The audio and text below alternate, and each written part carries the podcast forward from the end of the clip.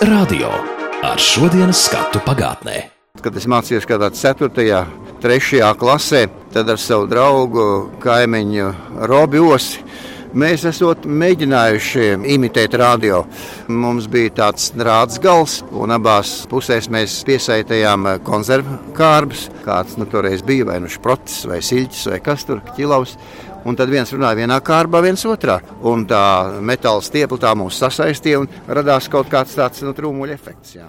Tā savas bērnības atmiņas stāsta sporta komentētājs numur viens - radiožurnālists ar 61 gada darba stāžu, vairāk nekā 5000 sporta pārraižu vadītājs, diktors, savulaik populārās dziesmu aptaujas mikrofona balss, vairāku raidlugu un pasaku ierunātājs, cilvēks, kurš šķiet nakts vidū pamodināts un ieraugot uz sevi vērstu mikrofonu, bez aizķeršanās raiti sāktu komentēt tikko redzēto sapni.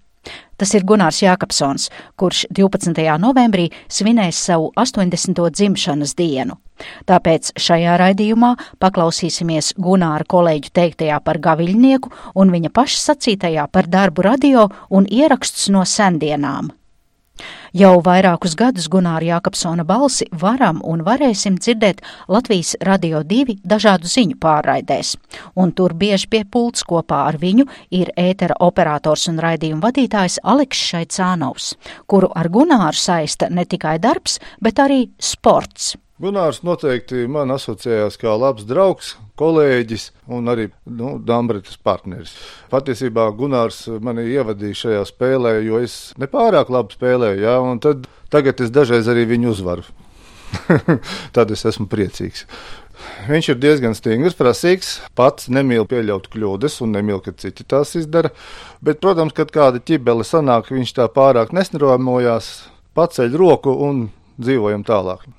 Vēl viens tāds fakts no viņa dzīves, ka viņš ir pirmais laikam un vienīgais Latvijas radio Novus čempions. Kādreiz Latvijas radio tika rīkoti Novus čempionāti. Viņš vinnēja, viņš ir Latvijas radio Novus spēles čempions. Mums vēl bija arī basketbola bumbiņa, ko DJs Āvis salauza. Tā bija tāda bērnu rotaļlieta, kuru mēs studijā bijām piestiprinājuši. Tā bija pietiekami viegla, ar to nevarēja neko salauzt. Un arī kādam trāpot noteikti nebūtu bijis sāpīgi. Jā, bet DJs Aivs pamanīja salauzt, un tad arī mēs pārgājām uz Dāmbrietu. Var teikt, ka Gunāram ir fenomenāla atmiņa. Par to tu varēsi pārliecināties, jo acīm redzot, šī atmiņa viņam saistās arī ar viņa profesionālo darbu. Ja? Un viņš atcerās tādas lietas, ko citi cilvēki noteikti neatcerēsies. Paprasīs viņam tādu faktu, ko neviens nezina. Nu, piemēram, Ķīnas līdera Mao Zeduna dzimšanas dienu datumu. Es domāju, viņš zinās. Labi, es tūlīt aiziešu, Gunārs arī atnāca uz darbu, pajautāsim, kad Jā. ir dzimis Mauds Zeduns. Jā. Viens jautājums, kurā gadā ir dzimis Mauds Zeduns? Ķīnas līderis. To prasīja Aleksim. Aleks ir. Aleks teica, ka jūs zināt. Jā, jā, viņš ir speciālists, viņš zina to nakts laikā. Jā. Paliekot neziņā par 1893. gada 26. decembrī dzimušā Ķīnas diktatora gadaskaitļiem, es dodos uzrunāt senu Gunāra draugu un kopīgu humora biedru maestro Raimondu Paulu. Viņam vienmēr bija interesanti. Viņš šai dienai saglabāja sevi tādā labā formā, un, un man liekas, mēs varam tiešām saukties par tādiem jau šīs mājas tādām kā lai to sauc par tādiem nu, pamats, tas būtu pat pārāk smagi teikts, bet nu, visādā ziņā. Mēs bieži vien satiekamies arī tagad, radio pie kafijas. Tas par daudz ko mums ir ko atcerēties, pasmaidīt. Pats galvenais, ka mēs varam pieiet arī pie tādām nepatīkamām lietām. Mēs varam pieiet ar tādu vieglu ironiju un smaidu. Ja? Vai jūs mēdzat un arī šobrīd mēdzat klausīties Gunāra Jākapsona teiktajā par radio vai, vai sporta ziņā? Man nevajag viņu par radio klāstu, viņa redz te dzīvā, ja viņš man izstāsta visam savam, kas viņam sāp. Mūsu gados jau runā par to, kas tev sāp, kādas zāles tu lieto, ja. To viņš jums stāsta. Rīt, ja. nu, mēs, mēs par to smiedamies. Bet tā tas ir, ja mēs jaunībā runājam varbūt, par meitenēm un tā tālāk, tad tā mēs runājam dabīgi par dažādām kaitēm, kas var mūsu gados būt. Vai ne? Ceļš, ka tu no rīta celies, tu nezini, kā tos locekļus sakārtot zināmā kārtībā. ka tu vari pakustēties. Jā. Tas viss ir stipri līdzīgi. Tas visiem tā ir bijis un tā tas būs. Es tur neko sliktu neredzu. Jā. Tādi ir mūsu gadi. Es tā runāju mūsu gadi, jo es esmu stāvot diezgan tuvu viņam. Bet es domāju, ka vienmēr šīs sarunas, vienmēr mums viņas nobeidzās tādā jautrā tonī. Mēs tā arī par nopietnām lietām mm, varam tikai tā ironiski pasmaidīt. Kā žurnālists, teiksim, pie mikrofona viņš ir Balss ļoti simpātisks, viņš ātrā tempā saprot, ko viņš runā un ko viņš grib pateikt. Nu, ko es te viņu slavēšu? Nu, viņš jau tā jau iedomīgs. Kā dzirdējāt, abiem laika biedriem ir kopīgs šis ironiskais humors, un to vairāk kārt ir apliecinājuši daudzi radionama darbinieki, sakot, ka nekad nevar saprast, kad Gunārs runā nopietni un kad joko. Reiz radio bet tagad jūsu uzmanībai paša Gunāra atmiņas par to laiku, kad viņš ir strādājis par diktoru tehniķi Meža parkā. Te man izbrāķēja šeit namā, toreiz balss esot bijis pārāk zēnišķi pārāk jauna. Tad es tiku aizsūtīts strādāt uz Rīgas kultūras atpūtas parku radio mezglu. Es tur biju diktors tehniķis, un šī diktora tehniķa uzdevums bija toreiz spēlēt plates, spēlēt lentas, informēt par notikumiem kultūras un atpūtas parkā. Svētku dienās bija 10-15 tūkstoši skatītāji. Tur viss virmoja. Tur bija peldētava, tur bija laivas stācija, tur bija zaļais teātris, tur bija deju laukums, tur ziemā bija slidotava. Tad tur viss to bija jāstāsta. Tur notiks tas, tur notiks tas, vai pazudis bērniņš, vai suņuks aizmaldījies kaut kur. Praktiski tā gāja nepārtraukti. Mūzika, teksts, mūzika, teksts, mūzika, teksts. Tas bija tas DJ gaita pirmsākums, ja tā varētu teikt. Un mikrofons bija, ja, protams, tas viss bija primitīvi, bet gaisā gāja, nu ne jau tālāk par kultūras parku, bet uh, kultūras parkā bija izvietoti, nu nezinu, desmitiem skaļruņu, kā toreiz bija tādi trumuļi, ja, un nu, tas skanēja pa visu parku. Re, bet nezināju, ka jūs izbrauķēja radio balss dēļ. Jā, nu tā man toreiz teica, ka literārā studijā pēc tam man uzaicināja uz tādu provi saistībā ar sportu. Man teica, nu pagaidi, varbūt atnāc uz sportu, jā, pamēģināt. Tad eh, Indričs Lēmans, toreiz priekšnieks, bija uztaisījis tādu komisiju, un man lika reportāžu imitēt. Paldies Dievam, es to biju jau darījis Mešparkā, jo man bija tehnika kaut kāda pieejama, man bija iespēja ierakstīt, man bija iespēja klausīties. Es tur miksēju, ņēmu, liku kopā. Teik. Atceros, Amerikas balss toreiz nevarēja dzirdēt, bet to troksni varēja dzirdēt, to zāģi. Ua, ua, ua. Es to zāģi ierakstīju savu reportāžu sagatavoju, un to zāģi uzlaidu tā virsū, gan skaļāk, gan klusāk, it kā stadiona troksni. Lai es apmēram nu, justu, kā tie komentētāji strādā un kāds es izklausos. Es diezgan veikli laikam to izdarīju. Tur tie žūrijas locekļi smējās skaļi par manīm un teica, ah, nu tad 4. jūlijas aiziet, brauc uz Enguru zvejnieku svētkiem. Tas bija 54. gadā. Un tad tā viss tā lieta sāk vārīties. Šogad apaļas jubilejas ir ne tikai radio, ne tikai Gunāram Jākapsonam, bet arī vienam no raidījumiem, kuru ilgu laiku vadīja še aprunātais un uzrunātais cilvēks. Pirms 50 gadiem sāk skanēt mikrofons, kas laikam ejot izvērtās par pašu populārāko un gaidītāko radio un vēlāk arī gada nogalēs televīzijas raidījumu. Un te fragments no 1985. gada ieraksta no mikrofona 20 gadas svinībām. Tik viegli jau mēs viens otru nesākām saukt par tu, tik viegli jau mikrofons 65 vai 66 netapa par mikrofoniņu vai mīļo mikrofonu un tā tālāk un tā tālāk. Bija jāpaveic visai daudz, lai kaut kas tāds sāktu veidoties. Kā mums veicās, par to liecina kaut vai tas, ka otrajā savas dzīves gadā mikrofons saņēma 195 klausītāju vēstules. Ko darīt, pa kuru ceļu iet, lai kaut kā sasaistītos ar jums? Skaidrs, ka Viens no veidiem bija. Es varu tikai pateikt, neliekuļojot un nepārspīlējot, tā ir ārkārtīgi augsta māksla vadīt šādu veidu koncertus, jo mēs pēc tam redzējām, varēja būt nezinu, cik nopelnīja bagāti aktieri, viņiem vienkārši tas neizdevās. Tā kā Gunārs vadīja šos mikrofonu lielos koncertus, un es domāju arī tāpat kā sporta raidījums, un vienkārši cilvēkam tas jau ir talants dots no Dieva. Tā par savu mikrofonu kolēģi saka radiožurnāliste Lija Guļevska. Kura toreiz 60. gadu beigās sāka veidot sižetus minētajam raidījumam un atceras mirkļus, kad kopā ar tā laika mikrofonu zvaigznēm diktori Ausmu Indriksoni un Gunāru Jākapsonu viņa studijā ierunāja savus tekstus. Es esmu viņam par ļoti daudz ko pateicīga, tīri profesionālā ziņā, jo es nekad neaizmirsīšu vienu epizodi studijā. Es vienmēr centos iet ar viņiem abiem, ar Ausmiņu un ar Gunāru, ierunāt to savu mazo gabaliņu, ierakstu, teiksim, priekšā. Un es tagad stāstu kaut kādu tur nu, tekstiņu, savu 10, 11 teikumu garu pirms ieraksta ar Liepais teātra aktrisi Vēru Šneideru, kur tēlo Elizabete Marijā Stjortē, kas ar lieliem panākumiem viesizrādēs bija Nacionālajā toreiz drāmas teātrī, un pēkšņi atskan Jakobsona balss. Nu, pietiek jau ar vienu karalieni, nezinu, vai divām jābūt. Es domāju, ka es iegrimšu zemē. Acīm redzot, mans tonis un mana pasniegšanas veids bija tik āršķirīgs. Protams, ausmiņa metās man mierināties, gandrīz raudādam izskrēja no studijas, bet tas man deva ārkārtīgi lielu atspērienu punktu, mēģināt būt pēc iespējas dabiskākai. Un es gribu viņam pateikt paldies par šo skolu, ko es zināmā mērā izgāju arī viņam piedaloties pie manas audzināšanas. Un es tikai no sirds varu Gunār to vēlēt veselību, lai tu turies šeit tā, kā tu jau to dari. Un ņemot vērā, ka tu esi viens no vislabākajiem tēviem un vis vislabākajiem vectēviem, ko es esmu dzīvē satikusi, tad lai tev ir vesela meita un lai tev ir vesela mazbērni. Turpinot uzklausīt kolēģu teikto par Gunāru, par skolotāju ziņu veidošanā viņu sauc arī bijusī diktore, tagad raidījuma monopols producente Arita Grīnberga. Saku Gunārs, domāju, profesionālisms. Tas ir pirmais, kas man nāk prātā. Tu zini, Gunārs man ir dzīvē iemācījis divas lietas. Pirmais. Tad, kad es mācījos ziņas veidot, es teicu, Gunār, nu, kā lai es saprotu, ko izvēlēties? Tās informācijas ir tik daudz.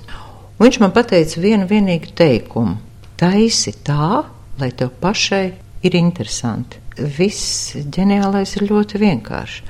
Un tā tas arī ir. Ja tev ir interesanti, tad interesanti būs arī klausītājiem.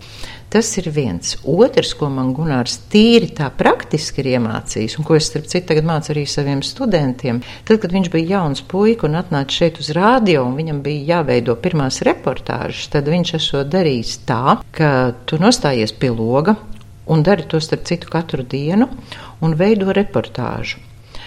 Un tu zini, ka tas ir diezgan grūti. Respektīvi, ko redzu, to runāju. Bet tev ir jārunā nepārtraukti, ātri.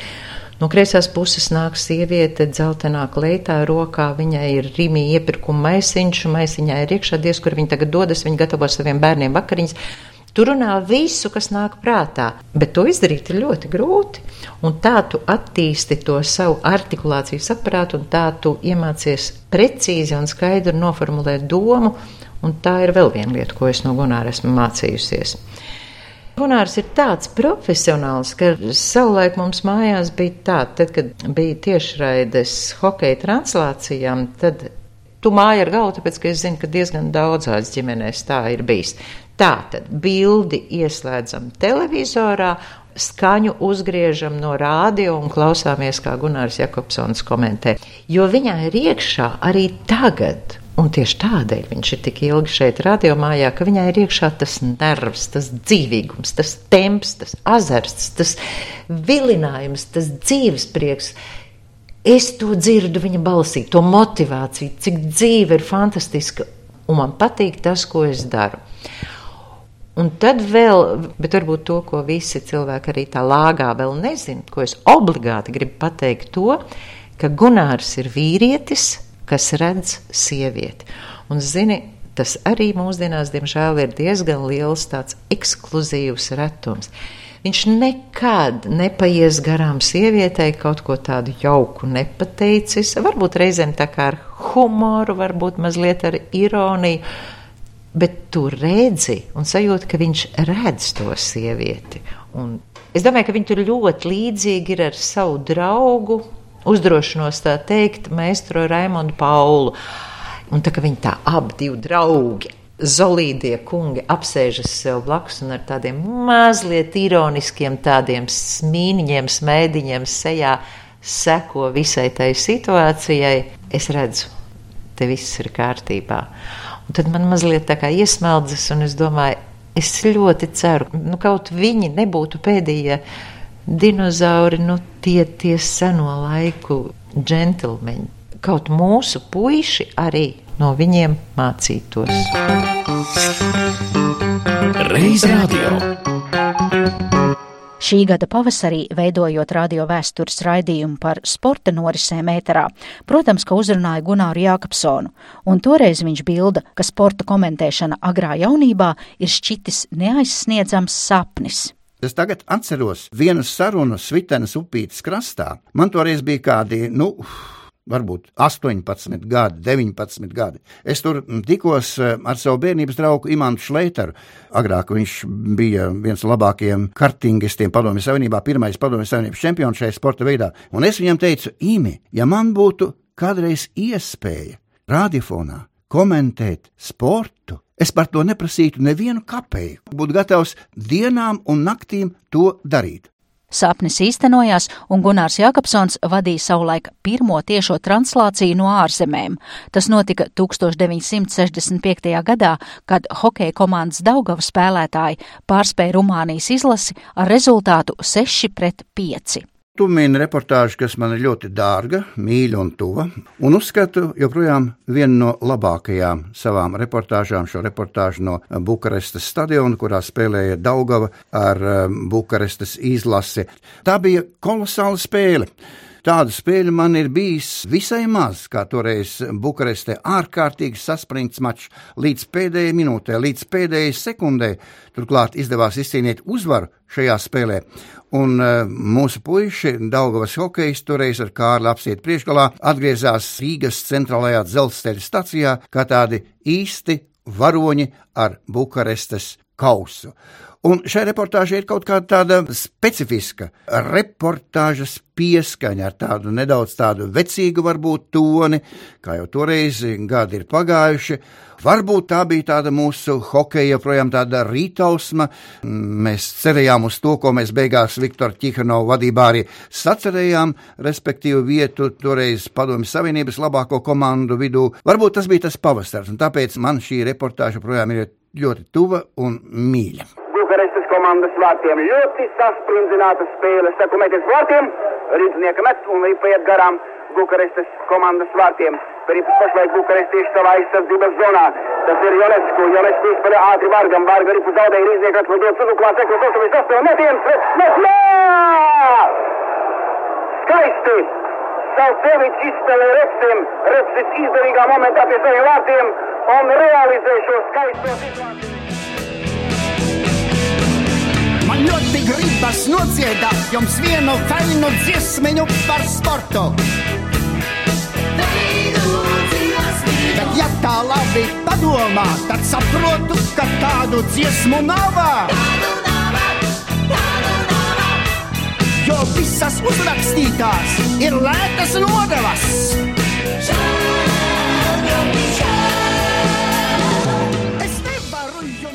Kā dzirdam, arī dziedāšanas laukā ir izpaudies Gunārs. Tā 1985. gadā viņš kopā ar grupu Opus Pro izpildīja Zigmāra Liepiņa komentētāja roku. Bet, ja tā labi padomā, tad saprotu, ka tādu ceļu nav. Mans iespēja devējs un mans pirmais priekšnieks. Gunārs man iedeva ziņas, paklausījās, kā lasu, un teica, lai atvaļinājuma laikā viņa aizvietoja Radio 2. Tā par gaviļnieku teica raidījuma pēcpusdienu vadītājs Tālis Eipurs. To nu varēja redzēt arī tajās reizēs, kad mēs bijām vai nu hokeja čempionātos kopā vai olimpiskajās spēlēs. Tad uh, viņam, protams, hokejs ir viņa lieta.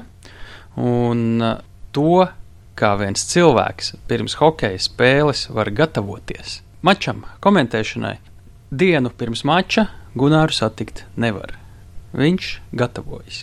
Tas nozīmē, ka viņš pirms tam ir savācis materiālus, vai turpina vēl tajā dienā sēdēt un vākt kaut kur internetos, vai pats jau Rīgā sadrukājis, lasa, mācās pretinieku komandu, jo ir jāzina, kas tie pretinieki tādi ir. Un varbūt tā kā pēdējos gados hokeja komentēšanas karjeras uh, otrajā pusē noteikti tā nebija viņam tāda ikdiena, nu, tā kā piemēram Dienāmo tagad komentēt būtu. Tad uh, nu, tur bija ko pamācīties, un viņš tiešām tas faktu materiāls, ko viņš bija sagatavojis, bija tāds apbrīnojams. Un, ja redzētu to viņa lapu izkārtojumu uz galda hokeja mača laikā, tad tur valdīja tāda ārēji, varēja izskatīties, ka neviens neko nesaprot, bet uh, tur bija ļoti iezīmēta kārtība ar aizzīmēm un grāmatzīmēm un atlocītiem precīzi stūrīšiem alfabēta droši vien secībā. Tas viss pirms hokeja spēles ir izdarīts. Varēja redzēt, ka cilvēks tiešām ar šo lietu nevis atnācis, nu, piemēram, nopelnīt vai vēl kaut ko, bet strādā. Iemetienā esam it kā uzvarējuši, arī Puniževīs jāspēlē Fuļska pret vārtiem. Nu, pārāk tālu aizvien no vārtiem. Jūnis Slipa vēlreiz pret vārtiem. Nav kas pieliek punktu.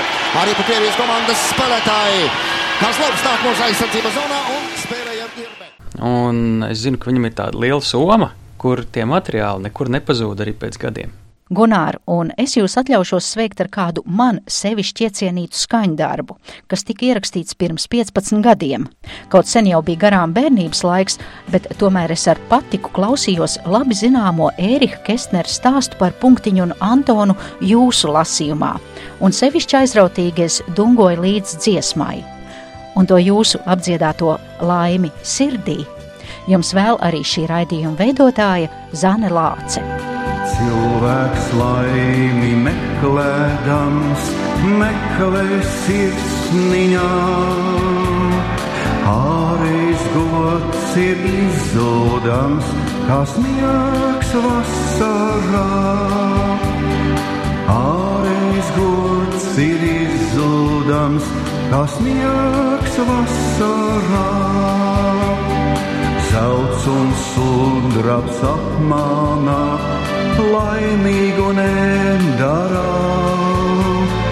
Tava zelta sāpība tikai svētīt vien var. Daba zelta sāpība tikai svētīt vien var. Katrs klusām priecājas, labu darīs un to sirdi apzinās, ir kā debesīs, un to sirdi apzinās, ir kā debesīs.